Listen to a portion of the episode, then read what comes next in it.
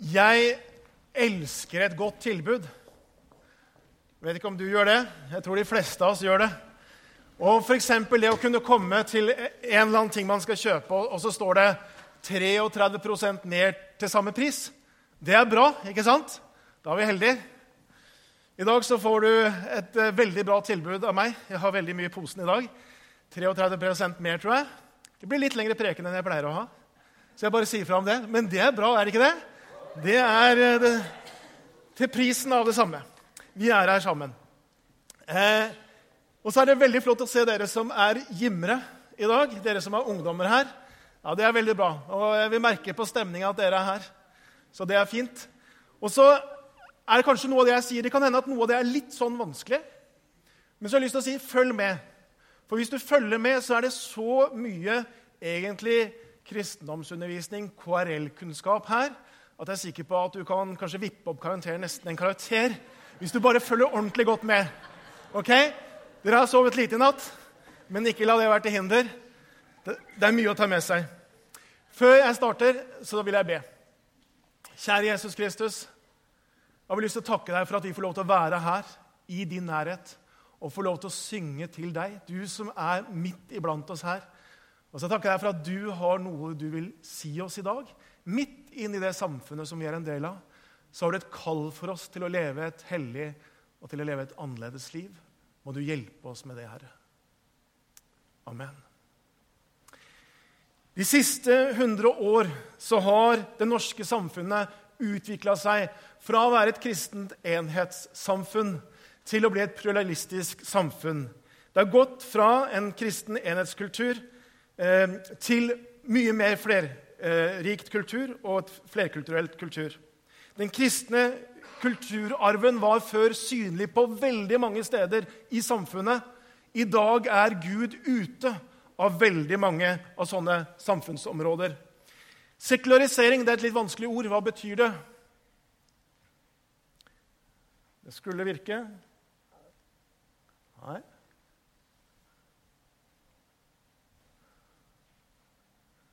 Ja, kanskje var jeg som gjorde det. Sekularisering, hva betyr det? Det betyr at Gud blir mindre og mindre viktig i samfunnet og i menneskers liv. For eksempel, Ta skolen som et eksempel. På 1700-tallet ble den norske skole den oppretta Hvorfor? Jo, for å sørge for at barn og denne oppvoksende slekt fikk kristendomsundervisning. Og kristendom ved siden av lesning var de eneste fagene i starten. Eller ta den norske grunnloven fra 1814, som sa at det norske, Norge skulle være et kristent land. I 2012 så ble det skrevet ut av Grunnloven, og så er det ikke sånn lenger. Da var også ordningen med statskirke opphørt. Og så er det bare på en måte noen sånne konsekvenser av noen ting, nemlig det at Gud blir på en måte mer og mer skjøvet ut av samfunnet som en helhet. Eh, og det ser vi på mange områder. Bare for var det i forrige uke en artikkel om at i Norge er det bare i dag 50% av folk som ønsker å bli begrava ut ifra en kirke. De andre ville ikke det.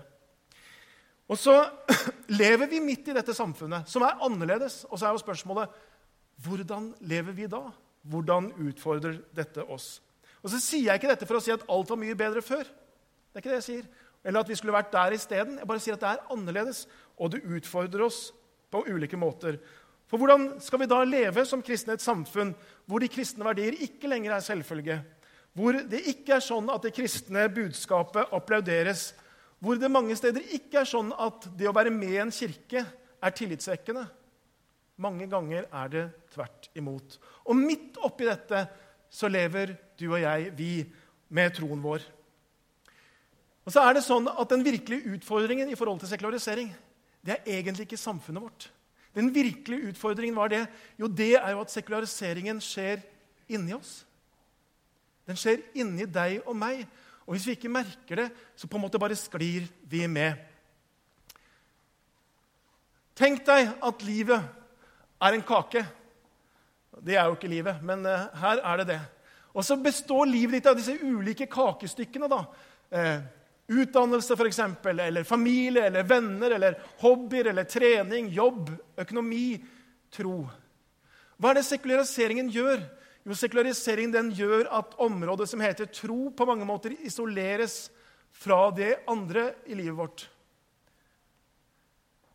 Og det på en måte bygges litt sånn skott mellom troen vår og livet for øvrig. Og så er det en utvikling som kanskje bare fortsetter, og så blir det både mindre og mindre, og det blir mer og mer skott. Og hva skjer da? Jo, da blir det sånn eh, som det sto i en bok som kom i sommer. Som om Gud ikke finnes. For det er utfordringen med sekularisering. Vi ender opp i et liv hvor vi lever mer og mer og mer og mer som om Gud ikke finnes. Betyr det at man sier nei til troen sin? Ikke nødvendigvis. Det bare slutter å ha effekt på livet. Magnus Malmøy kommer til å ha noen sitater han, eh, i denne talen. Han sier det sånn Sekularisering er å begynne å leve som om Gud ikke finnes.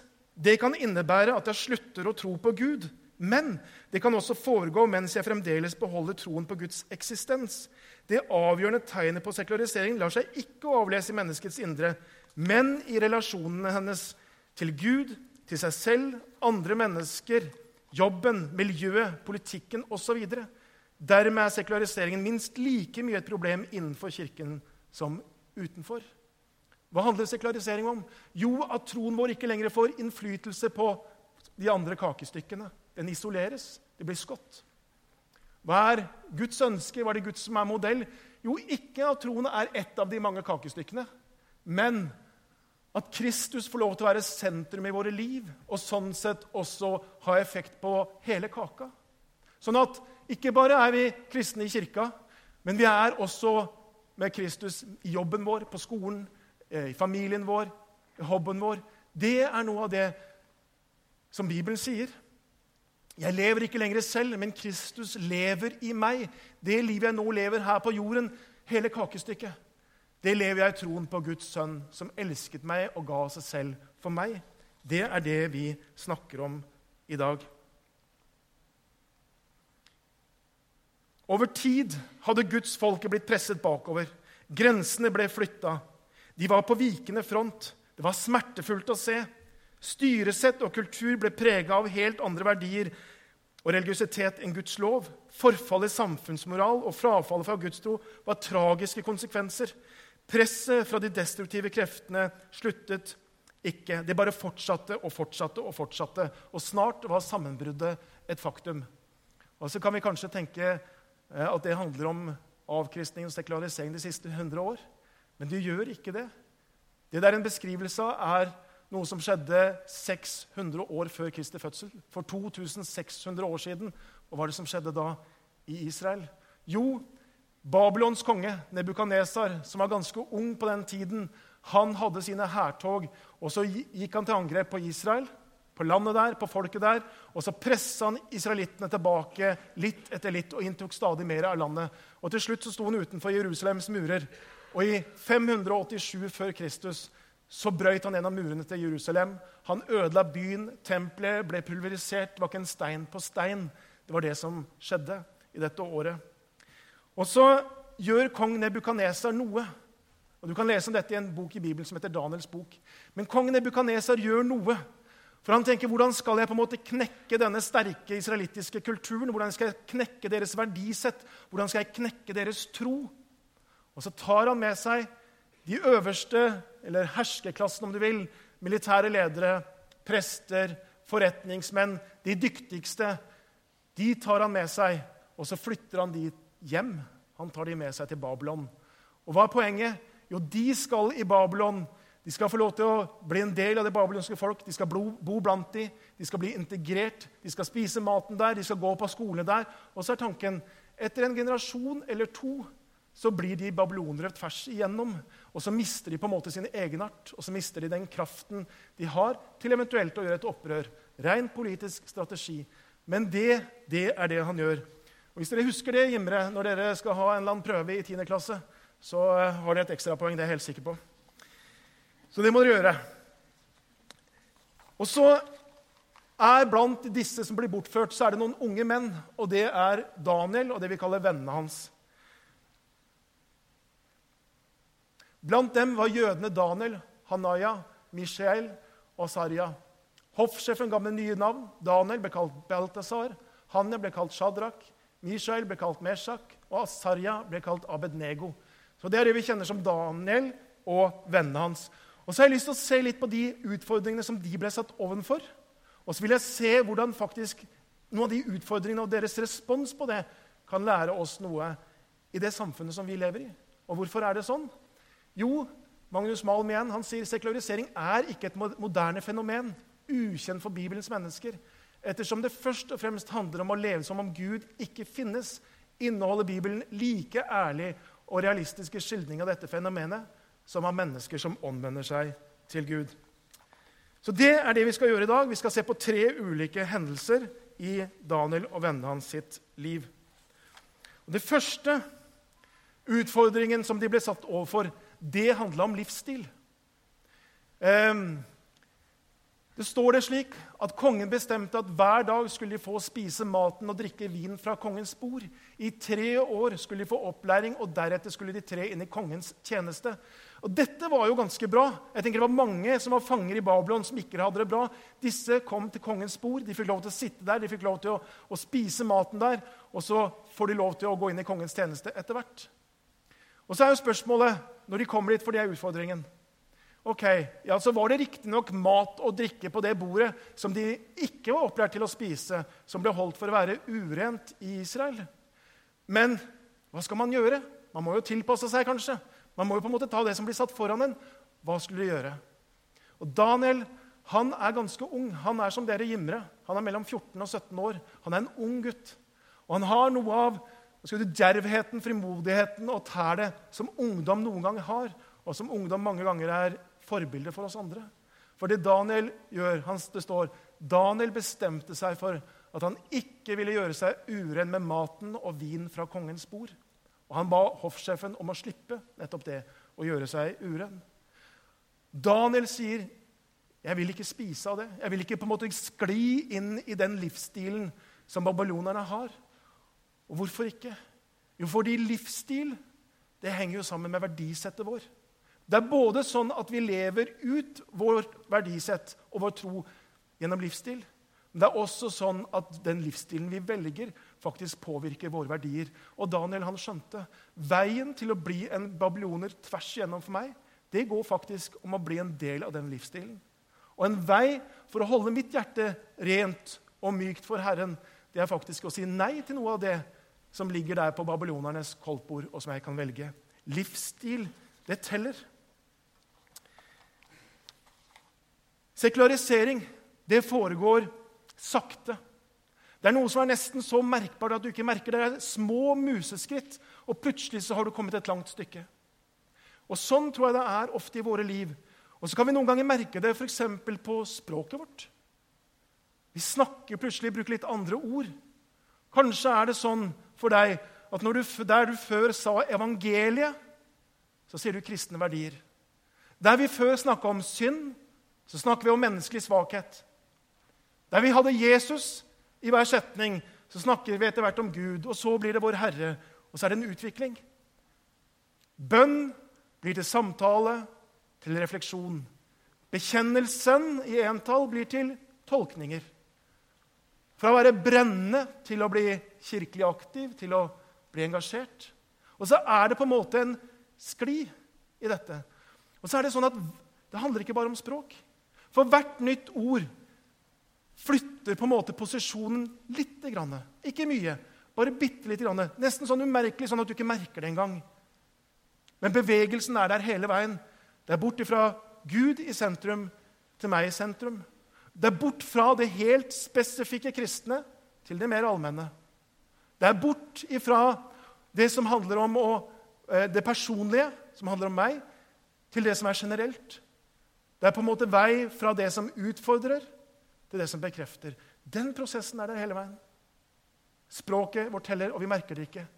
Men jeg har tenkt noen ganger på når jeg hører mennesker si ja, jeg er ikke så sort-hvitt lenger. Og så tenker jeg, ja, Det er bra hvis det er fordi at man har på en måte gått inn i Guds ord og kjempa med noen ting.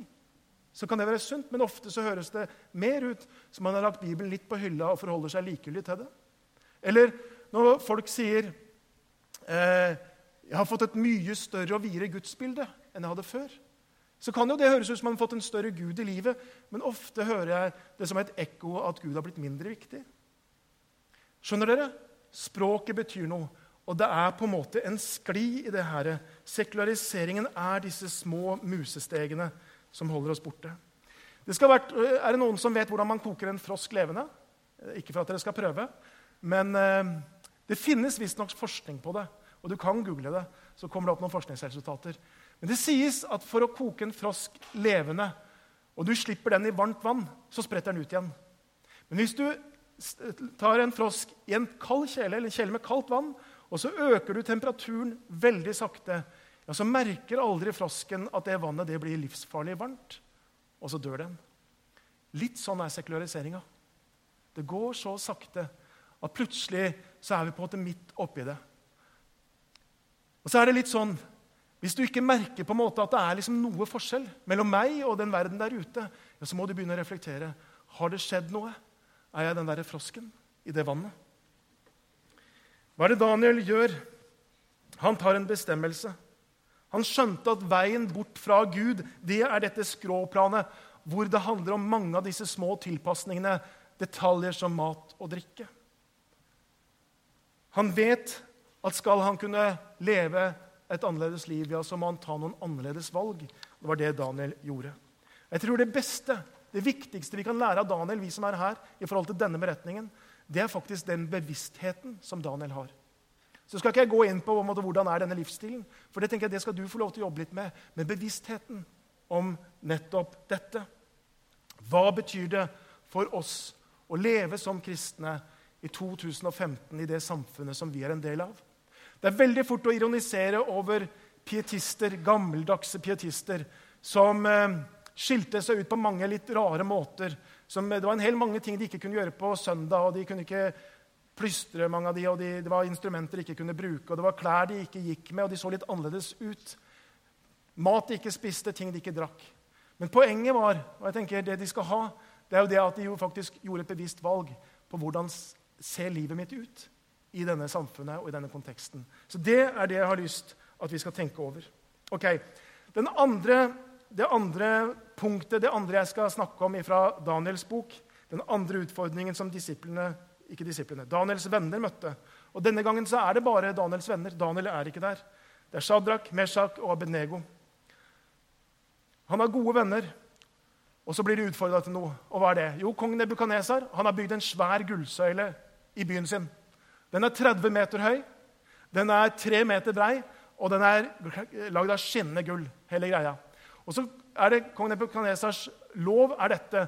Når musikken spiller opp, så skal alle som er i nærheten, falle ned og tilbe. Og så sier han, og de som ikke gjør det, hva med de? Jo, de blir kasta i det som kalles ildovn, en ovn som da var veldig varm. Der ble det kasta, de som ikke gjorde det. Og folk flest, når de gikk forbi på gata og musikken spilte opp, ja, det falt de som fluer, og de tilba denne gullstatuen. Men Daniels venner de kunne ikke det. For de trodde på den eneste sanne Gud, Jave. Det var han de levde for. De kunne ikke det. Og så er det da noen som ser det, og som anklager det. Og På denne tiden så er Dan eller vennene hans de er voksne. De eh, styrer noen provinser. Eh, og Derfor så er de på en måte litt sånn utsatt. De er i en utsatt posisjon, og folk ser dem. Og de ser at de ikke gjør det her. Og Så er det at Daniel og vennene hans de må inn for eh, kongen, Nebukadnesar. Han er rasende. De må inn på teppet. Og så sier han og anklager de for dette, og så sier han at det må bli annerledes. Og så har de et svar som er sånn. Shadrach, Meshach og Abednego svarte kong Nebukadnesar. Vi behøver ikke å svare deg på dette. Om den Gud som vi dyrker, kan berge oss fra ovnen med flammende ild og fra din høyre hånd, konge, så vil han berge oss. Altså, De er sikre på at om Gud vil, så kan han berge dem. Det er, de, det, det er tro. Der stoler de, der hviler de. Og så sier de noe som er en helt fantastisk setning, syns jeg.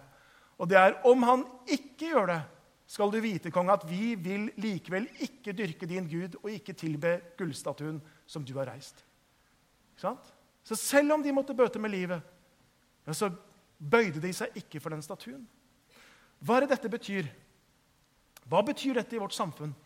Jo, for jødene som da var i Babylon, de fikk faktisk lov til å dyrke sin Gud. De fikk lov til å ha sine skrifter, de fikk lov til å ha sine forsamlinger. De fikk lov til å tilbe Gud. Nebukadnesar ba de ikke om å konvertere. Det var ikke å forkaste sin Gud og så ta en annen Gud. Men det han gjør, han krever at de også, i tillegg til sin tro, må bøye seg for hans guder. Og På mange måter så gjør her godeste Nebukadnesar nøyaktig det som alle pluralistiske samfunn gjør. Om det er Babylon den gangen, om det er Romerriket 600 år seinere, eller om det er det skandinaviske eller sekulære Europa, Vesten, i dag. Og hva er det? Jo, Det er nemlig greit at du er kristen, det er nemlig greit at du har en tro, men det du ikke kan påstå, det som ikke er god mynt å påstå, det er at det er den eneste tro som er rett. At det er den eneste veien til Gud. Det er på en måte fingeren i øyet på vår tids sekulære kultur. Det er det som på en måte er tabu å si. At det finnes kun én vei til Faderen, og det er gjennom Jesus Kristus. Skriftstedet som Jesus sier 'Jeg er veien, sannheten og livet'. Ingen kommer til Faderen uten ved meg, er et av de minst populære skriftstedene inni vår kultur. Det er greit at du er kristen, det er greit at du tror, men ikke si at det er den eneste sanne vei. Og Det er egentlig det som på en måte samfunnet vårt sier igjen og igjen og igjen på ulik måte. F.eks. kristendomsundervisningen eller RLE eller KRLE eller hva det nå heter nå. Som en gang var altså en egentlig dåpsundervisning til Den norske kirke, hvor målet ikke bare var å formidle kunnskap, men faktisk forkynne Kristus sånn at eh, elevene ble forvandla, at de tok imot. Det kan du lese i gamle læreplaner. Men hva er målet nå? Jo, nå er målet følgende, eh, og det står i læreplanen, at religion skal undervises på en pluralistisk måte, altså med mangfoldet. Målet er eh, forståelse og toleranse. Og som det står i en veiledning til undervisning i 10. klasse, ikke noen religion eller livssyn skal framstilles som den eneste riktige religion. Det er ganske lang vei fra dette til der kristendomsundervisningen starta. Det er på en måte det som er noe av den sekulære dogmen. Alt er like bra. Alt er like greit. Og det er ofte der elevene kommer ut og konkluderer. Den sekulære religionsfriheten sier du kan tro hva du vil, så lenge du ikke hevder at det er den eneste rette sannhet. Hvordan gikk det med Daniels venner? Daniels venner de nekta å bøye seg for denne statuen. De nekta å gå på kompromiss med det de trodde på. De nekta å stå imot presset. Det gjorde faktisk de første kristne òg, som opplevde akkurat det samme presset i Romerriket. Visste du at de første kristne de ble kalt ateister? Det er jo litt rart, men de blei det av romerne. Fordi at de nekta å bøye seg både for keiseren som gud og for de romerske guder. Derfor så ble de kalt ugudelige av de andre. De nekta, og for det så måtte de bøte, mange med livet. Daniels venner ble ført til ovnen, som var varma opp sju ganger mer enn vanlig. De ble bundet og kasta i ovnen. Ovnen var så varm at de soldatene som kasta dem i ovnen, de ble drept av varmen. Men til sin store forskrekkelse så når Nebukadnesar kommer fram til ovnen, så ser han eh, Shadrach, Meshach og Abednego gå omkring i flammene. Og enda mer forskrekka blir han når han oppdager at de er jo ikke bare tre lenger. De er fire. Han sa, 'Men jeg ser fire menn gå fritt omkring i ilden.' 'Det finnes ingen skade på dem.' Den fjerde ser ut som en gudesønn. Gud var der, midt i den ildovnen som de opplevde. Og det kan hende at når vi ikke går på kompromiss, at vi også blir grilla i noen setninger. At vi møter noe av ildovnen. Men vet du hva? Gud sitt løfte det er ikke at vi skal slippe det, men at han skal være der med oss. Løftet er å se jeg med dere alle dager inntil verdens ende. Det er det vi kan stole på når vi kjenner at det blir litt tøft og litt hett rundt oss. Den tredje hendelsen som jeg vil peke på, er fra kapittel 6 i Daniels bok. Det er en ny konge i Babylon. A new kid in town. Dereios heter han. Daniel har steget i gradene, og han er en av tre ministre i det babylonske kongeriket. Rett under kongen. Og På denne tidspunktet her så er altså Daniel 80 år. Så her har vi også hørt om Daniel når han var en ung gutt, 14-17. Når han er voksen mann. Nå er han en aldrende mann når han møter denne utfordringen her. Og Det jo, kan jo være litt interessant å tenke på. Så er det noen som blir veldig misunnelige på, på, Daniel. De vil skubbe han ut av posisjon. De vil ha han bort. Og så finner de ingenting å anklage han for. Men så kommer de tenke på en ting, at han er en dedikert trone. De legger fram et forslag for kong at de skulle, som de fikk igjennom. og Det var at i en 30-dagers periode så skulle det bli forbud med å be til noen annen eller tilbe noen annen gud enn nettopp kong Dareios. Det var det som var forslaget. Hvorfor det? Jo, for de visste at Danen han har en vane om at hver eneste dag så går han opp på tak, eh, taket sitt. Han slår opp vinduene der, og så ber han høylytt. Så det er på en måte bare for å lure Daniel inn i en felle, som det hele handler om. Og Så er spørsmålet hva gjør Daniel? Hva gjør Daniel? Han vet at utfordringen den er der, om at hvis jeg blir tatt i å be til Jave, til min Gud, ja, da må jeg bøte med livet. Da blir jeg kasta i løvehulen. Så går det an å be stille. Det går jo an å på en måte trekke seg inn i et, et sånt eh, kott eh, inne, sånn at ingen ser. Hva hadde du gjort? Utfordringen er på mange måter å privatisere troen, sånn at ingen ser, ingen hører. Hva er det Daniel gjør? Så snart Daniel fikk vite at skrivet som var satt opp, gikk han hjem. I takkammeret hadde han åpnet vinduer som vendte mot Jerusalem. Tre ganger om dagen falt han ned på kne for sin Gud med bønn og lovprisning. For slik hadde han alltid gjort. Han går opp på taket, åpner vinduene, og så lar han det stå til som han alltid gjorde. Han nekter å privatisere sin tro. Han nekter å på en måte skjule den for de andre. Og så må han ta straffen. Han må ta straffen for det også. I det sekulære samfunn, som for så vidt ikke er negativ til religion, bare den er en privatsak, så er det nettopp når troen blir eksponert i det offentlige rommet, at det reageres. Om det er et bitte lite kors av en programleder i Dagsrevyen. Eller om det er Gahr Støre som forteller på Saronsdal i sommer om sin tro, så kommer kritikken haglende. Eller om det er en fotballspiller som feirer et mål og takker sin Jesus med å vise det på en T-skjorte, ja, så er det rødt kort og utstengelse. Når vi nekter å på en måte privatisere troen og holde den helt internt, så på en eller annen måte så blir vi straffa av den sekulære inkvisasjonen. Og Det er noe av det presset som vi møter, og som vi kjenner på, sikkert veldig mange av oss, som gjør at det er mange ting som er lettere å legge ut på Facebook enn at vi var på gudstjeneste. Vi kan si vi var på tur, vi var der, vi var overalt. Men liksom det å si jeg var på gudstjeneste eller jeg fikk et godt bibelord, da blir det vanskelig. og Vi kjenner det. Det stritter. Og hvorfor det? Hvorfor troen det er en privatsak. Den skal du ikke flagge.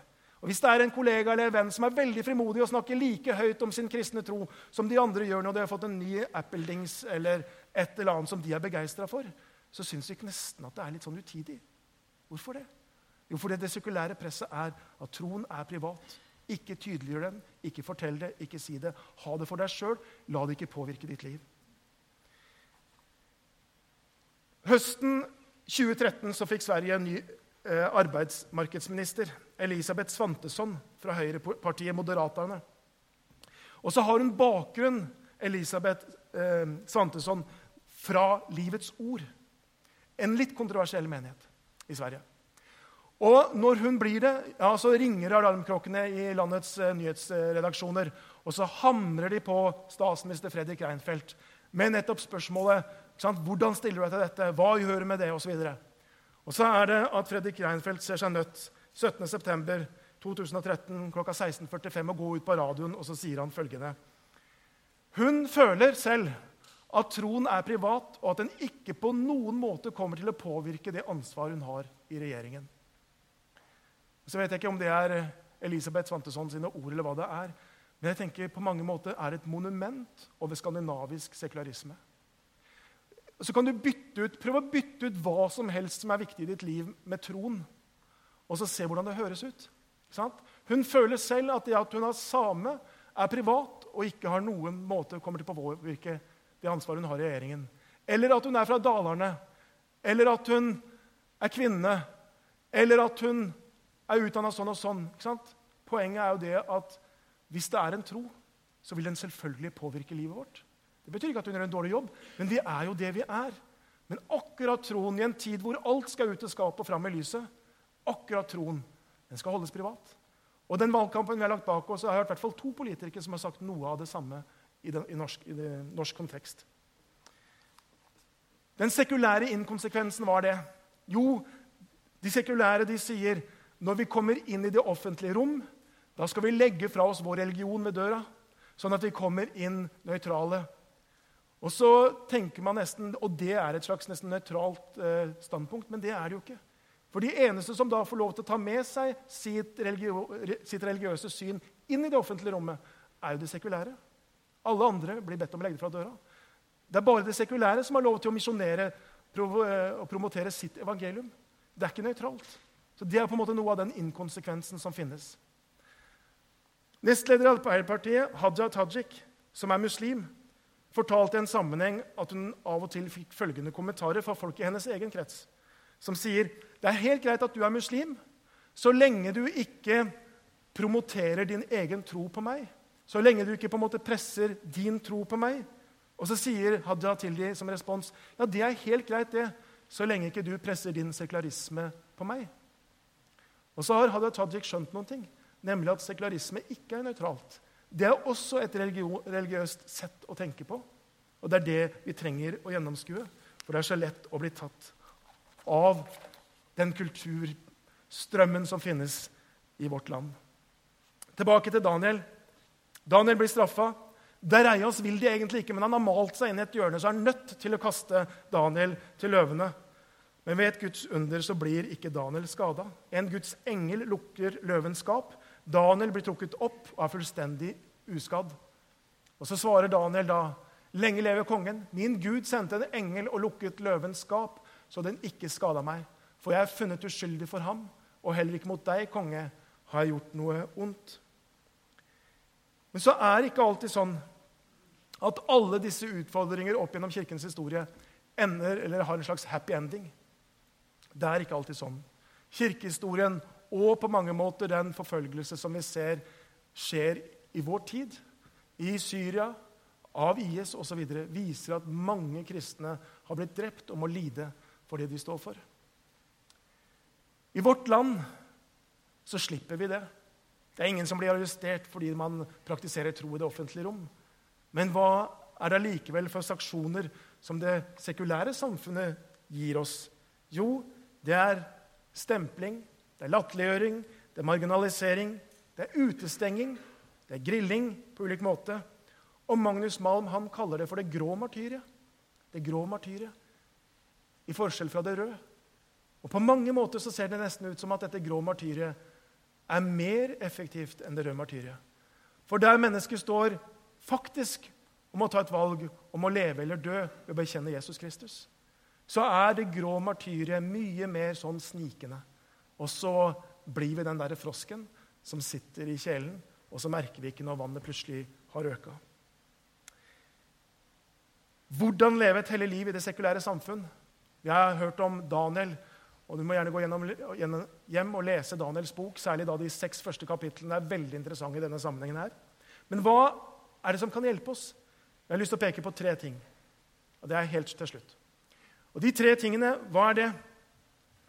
Jo, at det starter med at vi blir bevisstgjort. Det var det Daniel gjorde der når han ble tilbudt på en måte buffeen i det konges, konges, eh, kong Nebukaneser Nebukadneser sitt slott. Han, det er et buffé av ting han kan velge, og så tar han et bevisst valg i forhold til livsstil. Han blir bevisst. Og det tror jeg er det første vi skal gjøre. Være bevisst i forhold til det samfunnet som er omkring oss. Det er det ene. Det andre det er å ikke la seg på en måte sånn bare prege av det samfunnet vi er en del av. Men ta oppgjør noen ganger. Paulus sier, 'Bli ikke prega av den nåværende verden', sier han i Romerbrevet 12. Bli ikke prega. Ikke bare la dere på en måte skli den veien. Hva kan vi gjøre isteden? Jo, Paulus sier, 'Men bli fornya'. Men bli forvandla ved at sinnet fornyes. Hva handler det om? Jo, når vi har dette presset utenfra, så trenger vi mer enn noen gang å lese Guds ord. Lese kristenlitteratur høre podkast og talerundervisning, gå på gudstjeneste, være en del av et kristent fellesskap, ha kristne rundt oss som vi kan snakke med, osv., osv. Jeg tror det aldri på de siste 1000 år i Norge har vært viktigere enn i dag å gjøre akkurat det. For hvis ikke så blir vi den der frosken som ikke merker at det er noe som øker av temperatur. Så det er det andre. Og det tredje Det er utfordringen som Daniel hadde til å privatisere sin tro og til å skjule det. Og Den, den, den fristelsen den tror jeg vi kjenner på veldig mange. Og da har jeg lyst til å si la oss gjøre som Daniel. La oss gå opp på vårt tak og vårt takkammers, uansett hvor det måtte være, hvor vi er. Slå opp vinduene på full gap. Være åpen med vår tro, om det er på skolen, om det er på jobben, om det er blant familien din, blant venner, alle de steder hvor du kjenner at her er det litt utfordrende. Vær frimodig og øv deg på det. For vi, jo, vi trenger jo ikke å skamme oss. Gjør vi vel? Vi trenger ikke å skamme oss. Og det Paulus sier? For jeg skammer meg ikke over evangeliet. For det er en Guds kraft til frelse for hver den som tror. La oss være bevisste i den tiden vi lever i. La oss bli forvandla ved at sinnet fornyes, og ta til oss av det vi trenger for å ha en motkraft inni oss. Og la oss være frimodige med å tro. Vi skal be. Kjære Jesus Kristus, jeg har bare lyst til å takke deg for din godhet og for din nåde, og for at du elsker oss så ufattelig og så uendelig høyt, Herre. Og så ber jeg at du må hjelpe oss til å få noe av det blikket som Daniel hadde når han var ung. Til å kunne velge, til å kunne skille, og til å kunne leve, velge en livsstil som var rett. Må du hjelpe oss, Jesus, til å ikke bare la oss prege, men stå imot det presset, sånn som Daniels venner gjorde når de var i 40-årene, kanskje. Og så ber jeg Herre at du må hjelpe oss til å ha den frimodigheten som Daniel hadde når han var langt oppi åra, hvor han slår vinduene på full gap og ber som han alltid pleide. Jeg ber du kjenner våre liv som er her. Du ser hvor vi utfordres hen, og hvilke sammenhenger vi utfordres mest. Jeg ber at du skal virkelig gi oss det vi trenger, der du har satt oss. I ditt navn. Amen.